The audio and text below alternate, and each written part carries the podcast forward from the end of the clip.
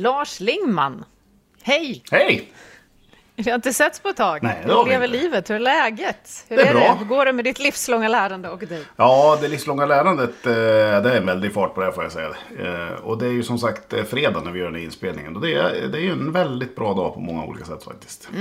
Man har liksom en väldigt hög lärkurva hela veckan, så, så framåt fredag eftermiddag börjar min kognitiva kapacitet dala lite, men Ja, man, man gör sitt bästa. Jag gör mitt bästa, ja, faktiskt. och du, idag är det spännande, för vi ska liksom göra återbesök i vår egen Mm. poddhistoria. Faktiskt till det allra första avsnittet som vi spelade in Ja. av Livslångt. Det var med precis oss tre, som ska prata igen idag. Jag tänkte bara höra, Lars, är du nostalgiskt lagd? Gillar du att göra besök bakåt i tiden? Ja, men det får jag nog faktiskt säga att det är. Jag tycker i en sån här grej som verkligen har, som jag tycker, på, om man har en iPhone så finns det en funktion som där den tittar i bildalbumet. Man lägger som en widget på första sidan på hemskärmen liksom, så, så plockar den bara bilder lite så här random från ens Och jag har lyckats behålla alla bilder från den första iPhonen. Så jag har typ så här 36 000 bilder i min iPhone. Wow. Och det är så helt underbart. Ibland bara fastnar i de här bilderna som bara ploppar upp. Som jag har glömt bort att finns på telefonen. Och så kan man gå tillbaka och titta på, okej vad gjorde jag då liksom 2000, jag vet inte när. Eh, så att eh, absolut, jag tycker det är kul. Sen, ja, två år. Sjukt gamla poddar är vi nu. Ja, ja verkligen. Vi, snart firar vi Åldringar 100 nästan. avsnitt, det är inte klokt.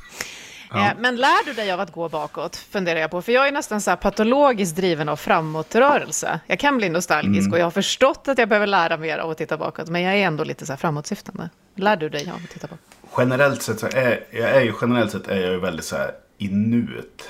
Jag är inte så här superbra på att vara så här långsiktig. Eller superbra på att liksom titta tillbaka och lära mig om man ska vara lite så här genuint ärlig faktiskt. Ehm, utan jag är väldigt mycket i nuet så. Men jag tycker att det är väldigt kul att titta tillbaka på vad man har gjort. För med det här, att jag är sån så är jag också väldigt lite halvdålig så här på att se på vad jag faktiskt har åstadkommit och gjort. Ja, det är ju Och det viktigt. skulle jag kunna bli mycket, mycket bättre på. Men verkligen. Livslångt. En podd om lärande.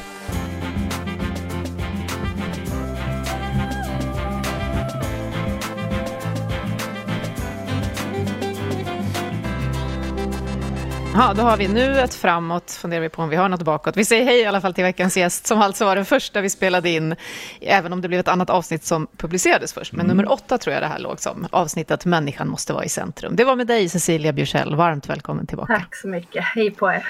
Välkommen!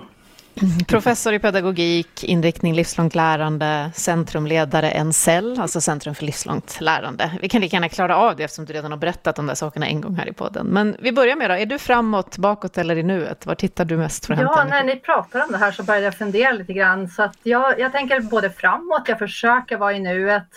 Men jag är väldigt intresserad av sånt som har varit, både på personliga planet som det här med när det poppar upp minnen, tycker jag är fantastiskt. Och, ja, just ja, det gjorde vi för fem år sedan och det kan vara svindlande nästan ibland när de här påminner en om vad som har hänt. Om, om man är lite för, när man är i arbetslivet tenderar det att rulla på framåt hela tiden. Eh, Men jag är också intresserad av lokalhistoria. Eh, vad har hänt på orten? Vad har familjen för historia och sådana här saker? Och sen tycker jag också historia lite mer allmän bemärkelse är viktigt också. Vi, vi har så mycket att lära av historien. Eh, Eh, för att bli lite högtravande här, men det, det finns ju faktiskt eh, väldigt mycket som har hänt och väldigt mycket som man kan titta tillbaka till och få vägledning av om man säger så. Mm. Och det är alltså då snart två år sedan som vi började spela in den här podden, när vi såg ett behov, inte minst för oss själva, men också kanske för andra, att skapa en plats i ett samtal om lärande på djupet och på bredden. Och sen har det då visat sig att verkligen fler hade det behovet i vår fantastiskt fina respons som vi får. Men Cecilia, vad skulle du säga att du då, om du tittar bakåt på den här perioden, har lärt dig om lärande sedan dess? Och kanske inte tack vare oss då, utan i allmänhet. Jag är väldigt glad att du ställde den frågan när vi bokade det här mötet. för, för hade du ställt den nu spontant vet jag inte om jag hade kunnat svara på den. Eh, Det är jättesvårt att beskriva vad man har lärt sig. Jag skulle förmodligen ha sagt någon kurs jag har gått under de här två åren eller någon bok jag har läst eller någonting sånt. Mm. Eh, Men när du ställde frågan då började jag fundera lite mer. Jag tänkte, Ja, men jag har ju gått kurser, jag har umgåtts med människor som har andra tankar och pratat mycket och jag läser ju, i en del av mitt jobb är ju faktiskt lärandeaktiviteter när man utforskar saker.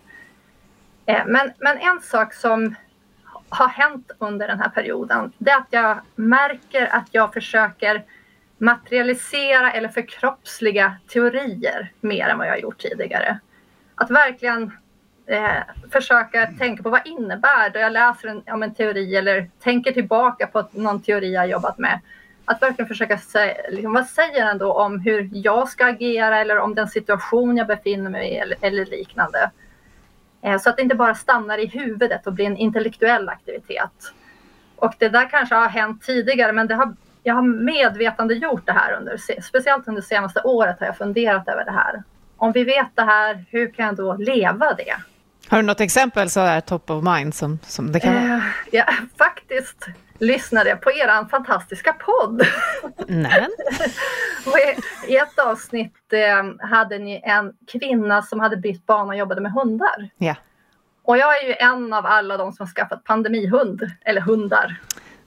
Eh, och det där har ju varit någonting, först lär man sig av hundarna, precis som det beskrevs i avsnittet, jättespännande tankar hur, djur, hur vi interagerar med djur som har en liten annan repertoar av kommunikation mm. och kanske också en annan repertoar av beteenden. Mm. Och när det här kontrasteras mot vårat beteende och våra förväntningar så, så märker man ibland oj, här funkar det inte på samma sätt och man måste stanna till och så vidare. Men framförallt att man använder kroppen väldigt mycket eh, i kommunikation med djur. Mm. Eh, och det är väl där jag har märkt det också, börjat fundera över hur använder jag kroppen i, i andra sammanhang om man säger så. Jag, eh, jag, dansade väldigt mycket när jag var ung. Mm. Och den här känslan då var lite mer att man är, man är i kroppen och liksom i rörelsen. Men nu känner, känner jag liksom att man bör, jag börjar koppla ihop de här två. Mm. De här intellektuella medvetna tankarna och kunskaperna med att försöka förkroppsliga dem. Och det, det är häftigt faktiskt.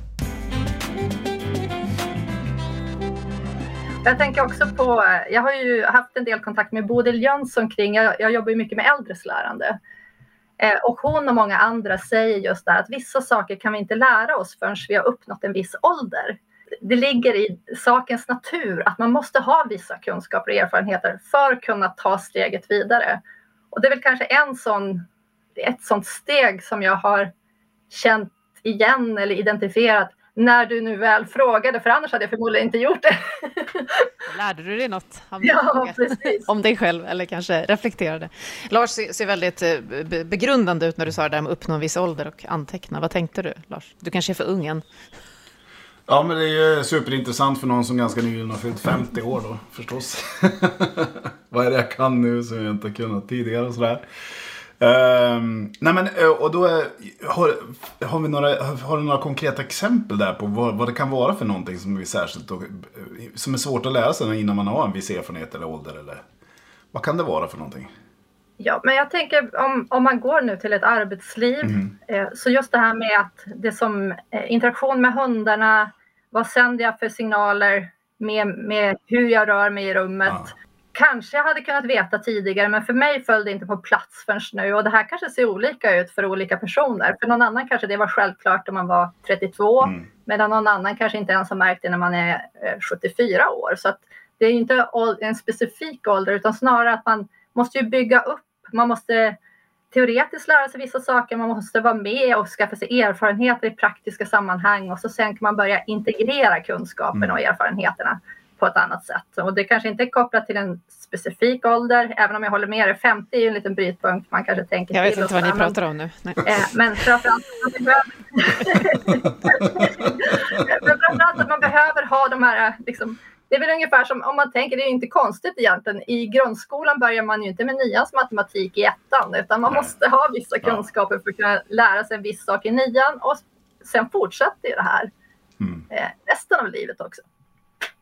Eh, en sak som jag funderar på där, det är ju det här med drivkrafter för äldres lärande.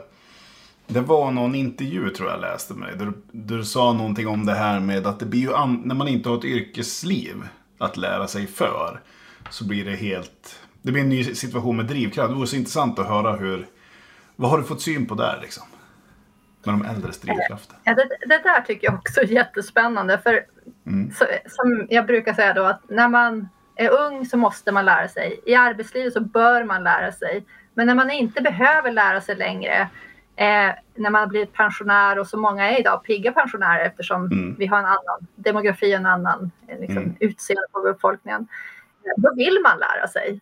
Eh, och det finns ganska många som deltar både i sådana här så kallade senioruniversitet, folkbildningen är stor, studiecirklar är jättestort, eh, men det finns också i pensionärsorganisationer, Mm. det finns mindre sammanslut, man träffas i sådana här, vissa företag har seniorklubbar där man träffas och gör saker tillsammans och Mm. studiebesök, kurser, vad det nu kan vara för någonting. Man kanske också går en eh, kurs i IT av något slag för att kunna sköta föreningens eh, ekonomi och så vidare. Ja. Eh, men, men just om man går i lite mer utbildningsliknande sammanhang eh, så blev jag också nyfiken på vad är det då man intresserar sig för? Och Mm. det är framförallt humaniora. Mm. Eh, kulturvetenskaperna eller vad man ska kalla dem. Eh, som är så ointressanta i skolvärlden idag. eller man prioriterar bort dem. Ja. Och under arbetslivet har man inte tid, kanske en liten längtan. Eh, men liksom det är det som vi tycker är viktigt. För det är också så när man blir äldre, då börjar man ju tänka, ja men jag kanske bara har kvar när man, fyll, eh, när man fyllde fem, ja, min pappa dog samma år som jag fyllde 50, han var 75 Mm. år och då, då tänkte jag så här, oj nu har jag 25 år kvar. Så här naiv tanke, men det bara liksom blev en sån tanke. ja, just det. Jaha, vad gör jag av de 25 åren? Mm. Mm.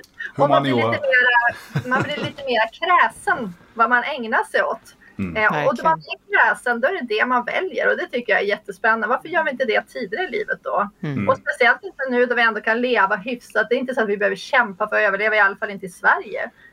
Mm. Eh, men ändå på något sätt är man fast i mönster som om liksom, vi fortfarande hade svältår och sådana här saker. Så att, Mm. ja, det, det tycker jag är intressant.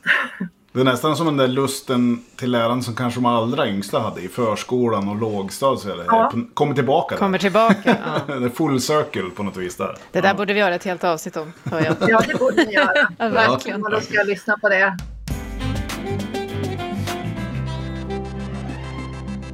men det, det som jag kan känna att jag kämpar lite grann med själv liksom så här nu när det gäller det här. När man börjar känna.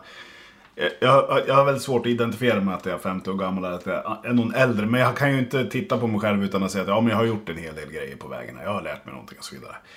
Men jag, jag kommer på mig själv med att försöka vara lite så här. Hur ska jag lägga fram det här för framförallt när jag jobbar med yngre personer. För att det ska inte kännas som att den här, nu är den här gamla gubben här och berättar om hur, hur, vad han gjorde för 20-30 år sedan. Utan hur ska jag lägga fram det på ett sätt som gör att de kan... För jag tror att jag har någonting genuint som jag kan ge dem. Eh, men jag börjar fundera så otroligt mycket på hur jag måste paketera det här för att de ska kunna ta emot det. Jag har en tonåring också hemma som... Alltså, eh, han är, inte, han är inte alls intresserad av någonting jag har att erbjuda just nu. Det är i den fasen han är. Det, jag, jag tycker det där är ganska klurigt faktiskt hur jag ska navigera. För jag har ju själv känt på när äldre då så att säga. När jag var ung pratade med mig på, på sätt som gjorde att ja, men det där ska du strunta i liksom. Tycker jag är ganska utmanande faktiskt. Ja, det där lärandet över generationsgränserna som vi pratar om är så värdefullt, behöver man ju då tänka Mm. igenom. Men jag kommer också tänka på att det är ju någonting med hur du mognar som person. Och vi pratar ju idag mycket om, eller gör om i alla fall i många olika sammanhang, där vi försöker prata om att lärande innebär en helhet, att vi inte bara kan prata om målstyrt kunskapslärande, utan det involverar så många andra delar att växa som människa för att kunna ta sig an ett arbete eller ett sammanhang på något sätt så. Och att det finns ju saker där som du inte har från början, det är omöjligt att du har dem. Och det sker en förflyttning. Och då kommer jag osökt att tänka på förflyttningen också i samhället kring synen på lärande. Hur skulle ni säga att, det, att ni ser en förskjutning där under de här två åren kanske, för att, eller något längre tillbaka? Vi har pratat om det lite förut, men det händer ju någonting med de här samtalen. Det som vi förut inte riktigt kunde prata om kopplat till lärande gör vi ju idag. Vad, vad ser du i den vägen, Cecilia? för att haka på det här med tonåringarna där. Jag tycker det är jättespännande att lyssna på den generationen och hur saker förändras ju. Hur man pratar om saker, vad som är okej att prata om, Mm. vad som är viktigt att kunna och så vidare. Så det, det är jättehäftigt att träffa på de här tonåringarna och om än en svår eh, målgrupp eller vad man ska kalla det nu. Eh, men, men om man verkligen liksom går in i det där och försöker lyssna så lär man sig en hel del om det som är på gång i samhället. Och jag tänker, för mig om jag skulle säga liksom någon känsla jag har eller liksom utifrån om man försöker lyssna in vad som är nu, så ser jag två nästan motstridiga stora krafter i samhället. Det ena är det här med slutenhet, hierarkiska system, man får inte uttrycka sig nästan, nästan så att vi börjar begränsa vår yttrandefrihet i Sverige faktiskt på, på vissa håll. Och liksom en inriktning där man försöker låsa fast, styra, mm. eh, kontrollera människor. Och så en annan inriktning, och speciellt om man lyssnar på unga människor där det är öppet, det är okej okay att vara annorlunda, det är fritt. Eh, och man prövar på nya idéer och så vidare. Det är mycket kärlek och det är mycket uppskattning. Och förstås eh, inte hela tiden där, det vet jag om att det är liksom, men nu målar jag upp två idealtyper eller mm. två typer här. Eh, som, som står lite emot varandra och jag tycker det är spännande nu att se för det är, i media målas det ju lätt upp lite mörkare, dystrare bild. Men det finns också väldigt mycket som pågår på den positiva, kärleksfulla sidan. Så de här två eh, sakerna som händer i samhället just nu tycker jag är jätteintressanta. Och jag tror att många funderar över liksom, kan, man, kan man bidra? Vad är min roll i det här? Vad känns meningsfullt? Den typen av tankar är, är lite ute där just nu och eh, väntar på att ta form också, kanske på nya sätt. Men, men liksom det händer någonting där som är spännande.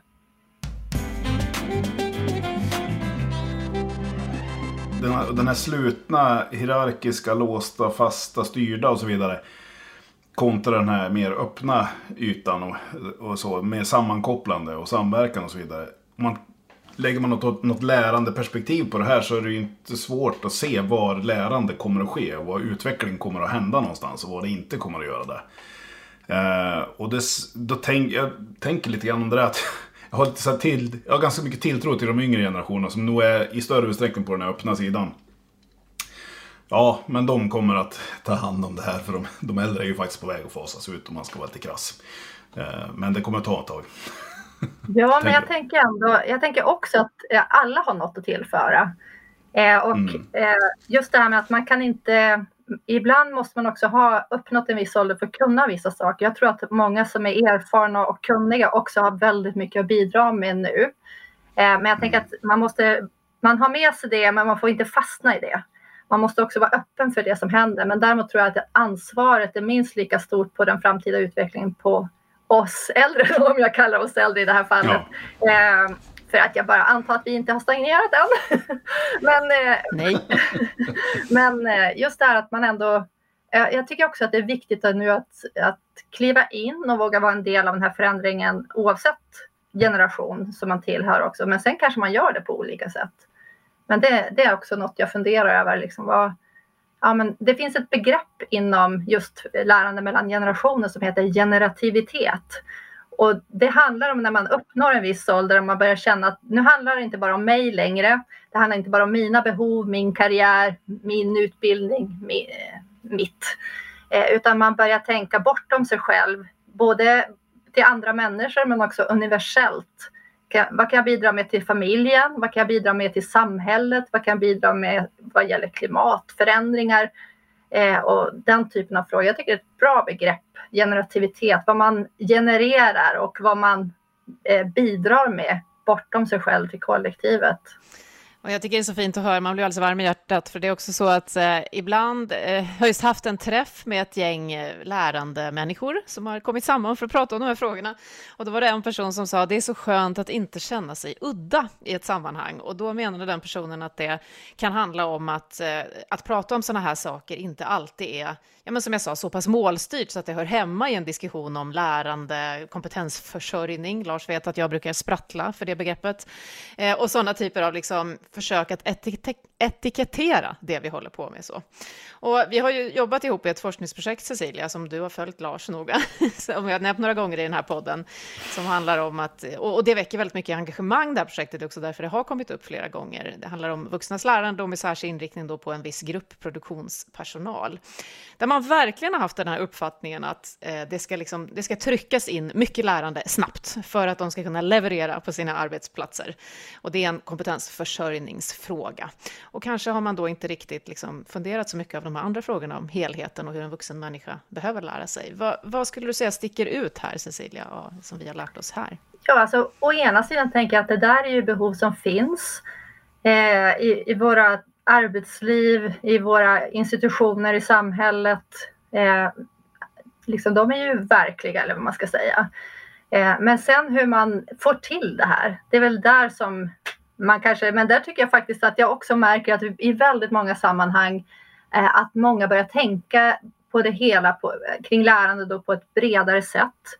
Som en helhet, som det begrepp som du använder, att tänka i helheter och, och verkligen börja förstå att det handlar inte om att det är inte en produktion. Man tar inte en kolv och sätter in i en maskin utan det handlar om andra processer. Men jag tycker att jag ser många exempel runt om hos företag där man också börjar jobba med lärande och kompetensförsörjning på ett bredare holistiskt sätt som då också kommer att ge andra resultat än om man tidigare mer tänkt att man skulle trycka in en kurs och så var det klart. Så att det är också en lärprocess eh, som finns i arbetslivet där eh, som helhet. Jag tänkte bara en sak som vi konstaterar ju i, i det här projektet, det är ju att det finns kunskap, men vi använder den inte. Nej, varför gör vi inte det? kan man trött ibland undra. Jag, jag tror det är enkelt, det är bekvämt att inte använda den. För det kräver energi att ta itu med saker och ting. Och ibland kanske det är också väldigt eh, mycket som måste förändras för att man ska kunna göra det där som det finns kunskap mm. om. Ja. Och då är det lättare att låta institutionen styra oss än att vi ska styra institutionen. För då måste vi jobba för det mycket hårdare. Så det är väl helt enkelt vanlig eh, svensk lathet, eller, eller vanlig eller mänsklig. individuell lathet. Jag tror att vi människor är lata i grund och botten. Man vill, ha det, liksom, man vill inte anstränga sig i onödan. Och det är smart att inte anstränga sig i onödan. Kanske lite, lite den här rädslan som vi har allihopa också för förändring och att göra någonting helt nytt och sådär. Ja. Ehm, jag tänker lite grann på, eh, eh, du och jag Katarina pratade vid några tillfällen där om det här med För det, det här som du beskriver Cecilia, den här tanken om att det funkar inte om vi bara häller kurs och utbildning på, på personal eller personer och att det, det självklart ska ske något lärande. Utan lärande måste vara mer holistiskt och lärande organisation har varit begrepp som har kommit jättestarkt och sådär. Och det är en sån grej som jag tycker har hänt de senaste två åren. Att det har blivit ännu mer liksom, i ropet med lärande organisation och så. Men en grej som jag, jag tror att du och jag pratade om lite Katarina, som jag tror kommer från det arbetet. Det är det här med liksom hur man, att drivkrafter är så himla viktigt för att det ens ska liksom vara värt att göra mm. någonting. vad, vad, tänker ni, i, vad har ni för erfarenheter från det där projektet och arbetet? När ni, har, ni har ju träffat en del liksom, personal som jobbar på industrigolv och andra sådana eh, arbetsmiljöer. Liksom. Vad stötte ni på? Finns det några framgångsfaktorer och koncept? att skapa drivkrafter. Ja, det gör du. Jag kan ju bara dra lite så får du förstärka mm. det sen Cecilia med all den här kunskapen som än så länge inte används överallt. Då. Men vi har ju träffat människor som verkligen inte har varit inbjudna till att vara med och vara den här människan i centrum som vårt första avsnitt hette med Cecilia. Mm. Som inte har involverats i sitt eget lärande och inte i att tänka kring varför är vi här? Vad ska vi åstadkomma? Alltså inte någon holistisk arena som de har bjudits in i, mm. utan man har berättat för dem, du ska göra så här. Och det har funnits kanske vissa sådana här riskanalysskäl till det, man får inte göra fel, men det har ju också skapat en, en viss kultur, ett förhållningssätt eh, och ganska lite inre drivkrafter och motivationskrafter. Och eh, jag har ju studerat lite olika saker i olika projekt och har ju förstått att eh, ett väldigt starkt tryck av yttre drivkrafter dödar ju lite de inre. Och det tycker jag att vi kan ha sett hos de som vi träffar. Att om man säger så här, men till slut så säger man, men du förlorar ju ditt jobb. Jaha, då får jag väl ta ett annat jobb. Att det är liksom den typen av hot, ja. Eh, hotifiering inte riktigt heller funkar mm. än, ens längre. Då. Så jag vet inte vad du säger Cecilia, men det här är sånt som, som jag har mött i alla fall när vi har gjort intervjuer och så. Och sen, jag kan återkomma till eh, ett litet framgångs, en liten framgångssaga som vi också träffade mm. på. faktiskt. Nej, men, eh, I den här litteraturgenomgången var det ju återkommande med lärmiljö och det tangerar det du pratar om på det sättet att man har en kultur på, i organisationen och en del i den kulturen kanske kan vara att man inte möts över hierarkiska gränser till exempel, eller att vissa eh, yrken ska jobba på ett väldigt specifikt sätt.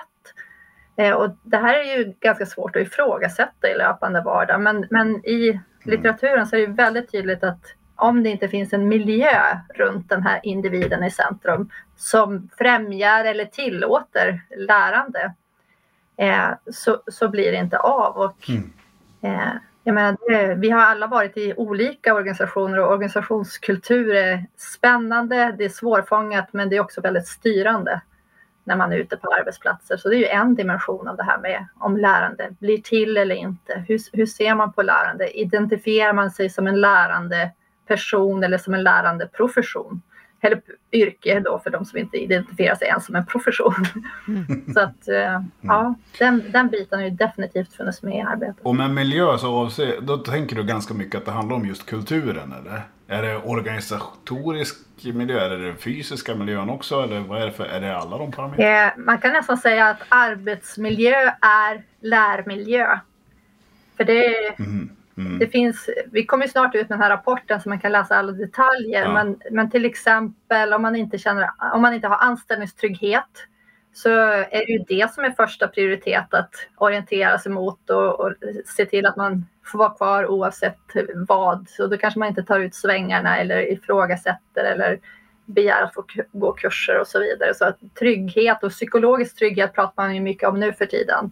Mm. Att det ska vara ett klimat som tillåter att man gör misstag, man kan diskutera om saker och ting och så vidare. Så att alla de här parametrarna i arbetsmiljö är nästan, eller jag, jag kan inte komma på något som inte då översätts sen till lärmiljö. Det är väl snarare det att tänka på, tänka på att det här faktiskt en, en miljö där vi lär oss saker och hur vi utformar miljön påverkar vad vi lär oss. Man, ska, man skulle kunna säga att vi kan inte inte lära oss. Det vill säga att vi lär oss hela tiden saker. Eh, men vi lär oss också när vi ska vara tysta. Vi lär oss när vi inte får ta initiativ eh, och sådana saker. Så, så det här är ju också miljön som ger utrymme eller sätter gränser för vad vi kan göra. Mm. Ja, det mm. finns ju också, när man tittar i lite olika studier, resonemang om att allt lärande är, behöver faktiskt inte vara positivt, utan det kan, precis som du var inne på nu, vara passiviserande till exempel. Och så. Eh, och den här, som du sa, vi, vi, vet väldigt mycket om vad man skulle behöva göra. Kunskapen saknas inte, eh, men vi gör det inte då. Eh, en sak som man har hoppats mycket på i premisserna för det här projektet, det är ju, och det ligger i namnet, digital pedagogik. Det började vi ju fråga oss efter ett tag, vad är det för någonting? Vi pratar inte så ofta om analog pedagogik, men man har hoppats mycket på en skalbarhet just för att många ska kunna komma med i omställning. Och det är något gott i den tanken eller så.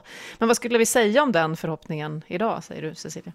det var ju den som var svårast att få fram material kring. Mm. Eh, just hur man, eh, digital pedagogik i sig. Eh, det, finns ju, det finns ju också en hel del, det berodde väl delvis på hur vi sökte också. Det finns ju hela online, OER, alla de här eh, liksom, områdena där man har gjort jätte, jättemånga studier, man har väldigt mycket kunskap där också. Men det som kom fram i, i vårt material, det var ju att eh, Många gånger använder man digitala verktyg för, eh, för skalfördelar i organisationer. Men ska man använda dem för lärande kanske man ska jobba tvärtom. Man kanske måste lägga mer resurser på det för att få till ett bra lärande. Eh, och, och, tänka till hur man använder de här digitala verktygen. Så det är ju återigen, det har inte med verktyget i sig att göra utan snarare hur man i organisationen tänker sig att eh, de här verktygen ska fungera. Ja, nästan alla sådana här verktyg har ju att göra med att man ska förpacka någon kurs eller utbildning i något lite fräsigare format. Kanske med någon form av interaktion och sen lite sådana interaktivitet. Men nu, nu provtänker jag, men tänk om man hade fokuserat den, den digitala delen på att just bygga den här exempelvis kulturen. Man hade struntat i content och fokuserat på samspelet eller liksom eh, reflekterande om erfarenheter eller sådana saker bara istället och liksom eh, byggt ett verktyg som hjälper till att bygga den där kulturen på ett vis. Kulturbygge är, jag brukar säga att det är det svåraste man håller på med som ledare. Liksom. Att det, det, det, det är väldigt klurigt. Är det. Eh, framförallt om man ska förändra kultur är, är ganska, ganska, ganska svårt faktiskt. Är det. Där skulle man ju verkligen kunna behöva ha verktyg till det. Ja, en provtanke. Ja, men eh, det, det, var ju faktiskt en av artiklarna som, som fanns med där som påpekade just att nya tider kräver nya kompetenser mm. hos ledare. Eh, och där kanske just att, att kommunicera och leda i social media, att, att vara en digital ledare, inklu, inklusive att utveckla lärande i organisationen. Då. Det är kompetenser som man kanske inte traditionellt har haft som ledare eller chef. Mm. Men eh, där det växer fram nya kompetensbehov då, som är kopplade till tekniken men som egentligen inte rör teknisk kunskap utan snarare hur vi orienterar oss i och använder de här digitala verktygen. Så där finns det verkligen kompetens försörjningsbehov. Att, eh, att jobba på det sättet som jag tror är väldigt ovant för många, spe, eh, speciellt om man sitter i en lite mer formell chefsposition. Den utbildning man får där har ofta inte med de sakerna att göra, kanske i någon bransch, men vanligtvis är det ofta mer det här med lagstiftning, mm. eh, formella strukturer etc. etc. Ens eget beteende, men, men just de här kompetenserna nu att Eh, agera i nya kommunikativa sammanhang och sådär. Det, det, är spännande att tänka eh, att, att alla, det är inte bara de som ska delta utan även de som ska leda det här kanske behöver utveckla kompetenserna. En annan sak som jag tycker sticker ut och som jag ofta pratar om när jag får frågorna om vad vi har hittat, både i din eh, forskningsöversikt Cecilia och i våra, vårt arbete, våra fältstudier och sådär, det är ju, om man sammanfattar det skulle man kunna säga ordet tillsammans. Mm. alltså kollaborativt eller kollektivt lärande, precis det du är på nu Lars, alltså att utbyta erfarenheter, reflektioner och så. Och att det lärande vi står inför idag i det här världen som förändrar sig snabbt med nya utmaningar att lösa, kräver just den sortens lärande mer. Och då blir ju det här att man inte har involverat involverats, inkluderats och tränat på det ännu mer utmanande. Så. Hur, hur, tror vi att man skulle behöva ta sig an det och behöva börja träna de typerna av saker med alla? Ja, det är en väldigt bra fråga, måste jag säga. Också ett väldigt bra pronomen att säga vi. ingen, vill, ingen vill hugga på det. Den svåra frågan. Men eh, ja, jag tänker väl så att eh, i skolans värld där jag har varit verksam längre så har man ju pratat jättelänge om kollegialt lärande. Det har varit ett sånt tungt begrepp där det var ett så pass tungt begrepp där så att om man vill dra, dra slut på syret i kommunens största aula då samlar man alla kommunens lärare där i och så går man upp på scen och så säger man Välkommen! Idag ska vi prata om kollegialt lärande. Då drar alla en så synt därför man är så jävla trött på det begreppet kollegialt lärande. Som något har blivit någonting har varit. Men det, det, säger ju ingenting om att det inte har något värde. Det har ett jättestort värde och att få igång den där typen av liksom, samarbete med de närmaste runt omkring sig. Och jag tänker ganska mycket om, och har pratat ganska mycket om det här med att, att reflektera om vad vi faktiskt gör för någonting. kan räcka rätt långt för att få till lärande. Liksom. Men vi har också stött på situationer där, ja, man, jag brukar väl säga så här, om ni ska göra någonting liksom, i någon riktning nästa vecka. Så på ett möte, ställ frågan, har vi lärt oss någonting den här veckan? Eller i något sammanhang, har vi lärt oss? Men då har jag upptäckt att på vissa ställen så är det en för provocerande fråga. Mm -hmm. eh, att, att prata om lärande Även om det är så bara, att, att det är liksom, lärande är ett begrepp som har någon form av ja, stigma i sig på vissa arbetsplatser och sådär. Det kan vara dåliga upplevelser av lärande. Mm. Att man, men då kan man ju ställa frågan, okay, har vi gjort någonting annorlunda den här veckan? Eh, exempelvis. Eh, men i det där liksom, de där små, små stegen som ska sätta någon boll i rullning kanske kan finnas någonting. Och kanske kan vi ge ledare eller bara grupper av människor små, små steg att ta som är i rätt, eh, rätt riktning. Så kanske det är kraftfullt. Spännande. Ja. Jag tänker på det här med vad man, eh, hur man begreppssätter det här. För jag tror också att lärande är kopplat till ett visst vokabulär och kanske nästan lite pretentiöst ibland. Och, eh, om man förväntar sig att det ska, vara något stort som har hänt eller att man ska tydligt kunna definiera och, och prata om utveckling. Ja. Har vi gjort något nytt? Eh, inom många teknikbaserade industrier är problemlösning en jättestor del av vardagslärandet. Prata om vilka problem man har löst eller vilka lösningar man har kommit fram till och att hitta andra sätt att ringa in det här på tror jag är spännande. För det, det, är också intressant att du säger eh, kollegialt lärande i utbildningsvärlden för det är ju någonting väldigt positivt. Eh, men häromdagen pratade vi om eh, skillnader och likheter mellan hälso och sjukvården och utbildningsområdet. Och då var det någon som konstaterade att eh, i hälso och sjukvården jobbar man ju i team. Det gör man ju inte i utbildningsvärlden på samma sätt. Eh, även om man pratar väldigt mycket om kollegialt lärande. Mm. Eh, och, och mm. att börja tänka i teamtanken i en sån organisation skulle vara utmanande kanske. Så att, ja, men det är spännande att försöka börja rota i de här sakerna och se vad, vad hittar man, vad tror man att man gör och vad gör man egentligen och så. Ja, och det, det ni är inne på båda två är ju också, syns ju också i våra resultat, alltså ett gemensamt språk. Att det är också jätteviktigt för att kunna prata om sakerna tillsammans på ett sånt sätt som leder till någon form av lärande. Så.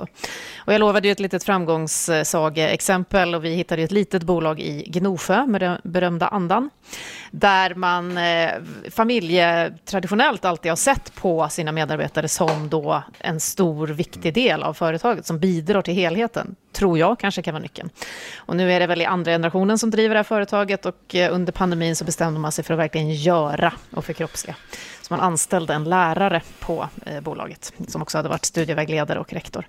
Och har sedan dess då haft 2000 kompetenstimmar. De var ungefär 30 när de började, de är numera över 60. De har ökat sin omsättning och så vidare. Och det är klart att det är ett exempel. Och det drivs av eldsjälar och så vidare. Men det finns någonting i det här med att se alla, ta alla ombord och prioritera det här då. Och så också lära tillsammans och varandra. Så det är ett sånt litet, eftersom du frågade om positiva exempel, Lars. Ja, det tror jag. Det finns någon viss eh, rädsla i skolsverige om det där. Alltså när företagen inser att shit, det finns ju Just människor. Det, de tar alla. Ja, men det finns ju människor som är jätteduktiga lärare. på det här. ja. Mm. Då försvinner ännu mer lärare ur skolan. Ja. De har vi redan ont om. Mm. Men jag tänker det här med att vi vet saker men vi har liksom genomför dem inte. Vi gör dem inte, Cecilia, som du var inne på. Och ett sånt att sätta människan i centrum. I vårt första avsnitt så pratade du just om att vi vet att vi borde börja där, men vi börjar med ett schema till exempel. Vad finns det mer som vi kan säga att vi vet och som vi behöver börja förkroppsliga och göra? Oj, om man ska plocka något ur den här rapporten blev ju ganska innehållsrik. Eh, och vi har ju sammanställt där lite frågor som kan vara ett stöd. Men jag ska fundera på, du har nämnt det här med eh, att jobba tillsammans, att sätta aktiviteter i gruppen så att alla engageras, motivationsaspekten, hur får man med folk? Vad hade vi mer eh, med den? Ja, de digitala verktygen har vi nämnt. Det är liksom väldigt mycket matnyttigt där, men jag, jag skulle kunna ta ett framgångsexempel för egen del som jag lärde mig i den här rapporten eh, och som jag faktiskt har tagit med mig och börjat jobba med. Eh, och det är att i någon av de här texterna, det var faktiskt kopplat till motivation. För det, mycket, det var ju mycket av de här traditionella motivationsteorierna som kom upp.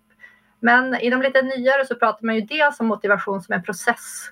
Att det handlar inte om att man ska bli motiverad och så är man klar, då liksom bara springer man sen hela tiden. Utan liksom att motivationen kan gå upp och ner eh, över tid. Men också att eh, man kan hamna i positiva eller negativa spiraler av motivation. Och att eh, när man hamnar i positiva spiraler så är det att man har haft känslor av att det går bra. Eh, och det där tyckte jag var enkelt och fiffigt och det har jag tagit med mig och har använt på mitt jobb. Jag har förstås inte sagt det till någon men, men det jag tänker att... Man... men nu vet de. nu är det avslöjat. Nej, men liksom att, ja, men, va, verkligen försöka fånga upp vad är det som har gått bra? Varför har just mm. du, liksom, vad är det som gör att just det har gått bra för dig här? Och försöka vara lite konkret kring de sakerna. Och det är jättekul också att säga det själv. Man blir själv motiverad av att säga det till andra. I alla fall jag. Så det var en sån här väldigt enkel, konkret sak som jag tog med mig där. För att tänka just det här. Man, man, det betyder ju inte att man inte kravställer. Men att man verkligen, liksom, och det här kanske är självklart för alla som är coacher, men för, för mig var det inte självklart då, men att försöka hitta det här liksom, ja men det här gick jättebra och det här, det här ska vi jobba vidare med och sådär. Så att det var en sån konkret sak som jag, jag tog med mig därifrån. Och jag tror att när man hittar sådana, då det är så mycket kunskap och så mycket material, man kan, det blir svårt att hålla allt i huvudet och då blir det kanske de här lite enklare sakerna som man måste ju också kunna komma ihåg dem när man ska göra dem. Mm. Det får inte vara för komplicerade modeller. Jag gillar enkla teorier och enkla modeller som liksom säger en sak och sen kan man ta med sig den och så kan man eh, förkroppsliga den i sin vardag. Ja, det finns ett tusen exempel på när små, små steg har väldigt stora tuvor. Så jag, jag tror faktiskt stenhårt på den där idén om att det är bättre att köra igång någonting litet som vi gör nästa vecka eller redan imorgon liksom, än att göra den här grandiosa planen som ska vara mm. perfekt om två månader. Liksom. Börja gör mesta runt omkring arbetslivet är så komplext också. Så det, om vi gör världens bästa plan så kommer den inte att tåla kontakten med verkligheten ändå i slutändan. Så det, det, är bättre att vi gör och testar, prövar oss fram. Vi rekommenderar i rapporten just det här, att det finns så mycket att planera och tänka på människors beteenden och allting. Så, så vi skriver också i, i slutsatsen där att det enklaste om man ska hålla en utbildningsaktivitet är att faktiskt att fråga de som ska vara med hur de tänker kring det hela och vad de, har- om Mm. de har några speciella behov och tankar kring hur det ska genomföras. Det är ju ett väldigt en tumregel som Ja. skulle göra väldigt mycket i praktiken. Så, inte rocket science precis, men ändå science.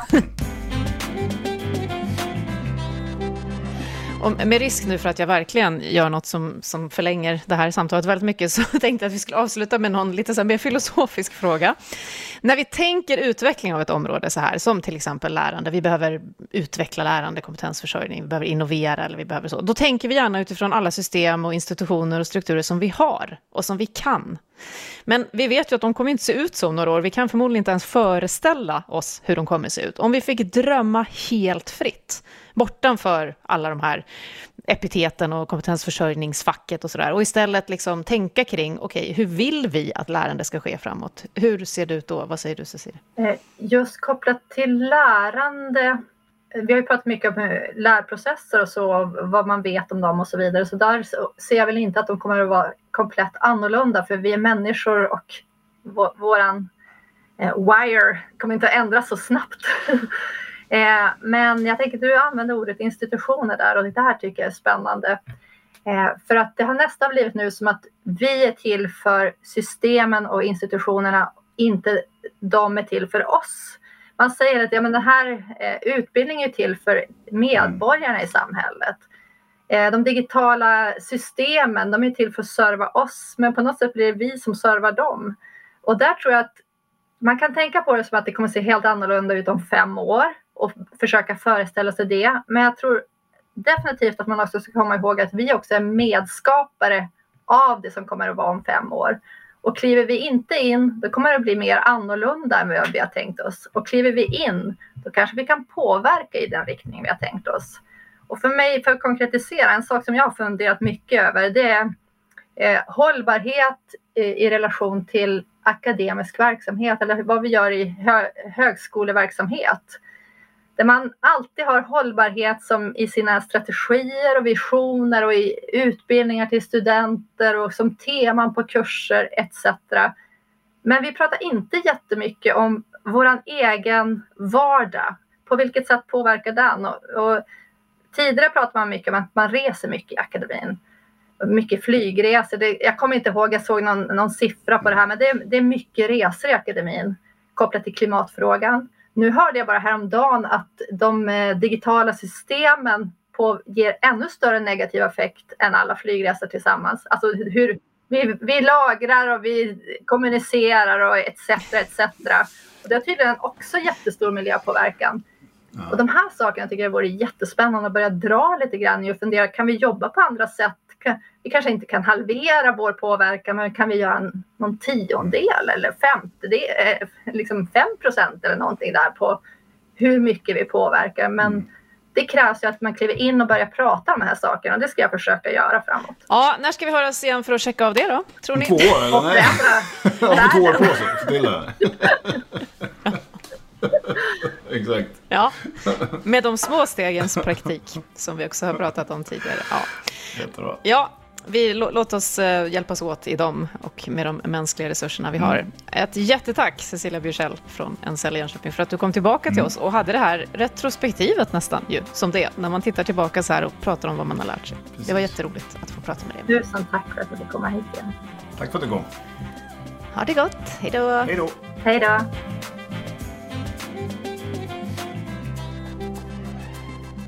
Du har just hört Livslångt, en podd från RISE om allt det där man lär sig i livet. Vi hörs om en vecka igen.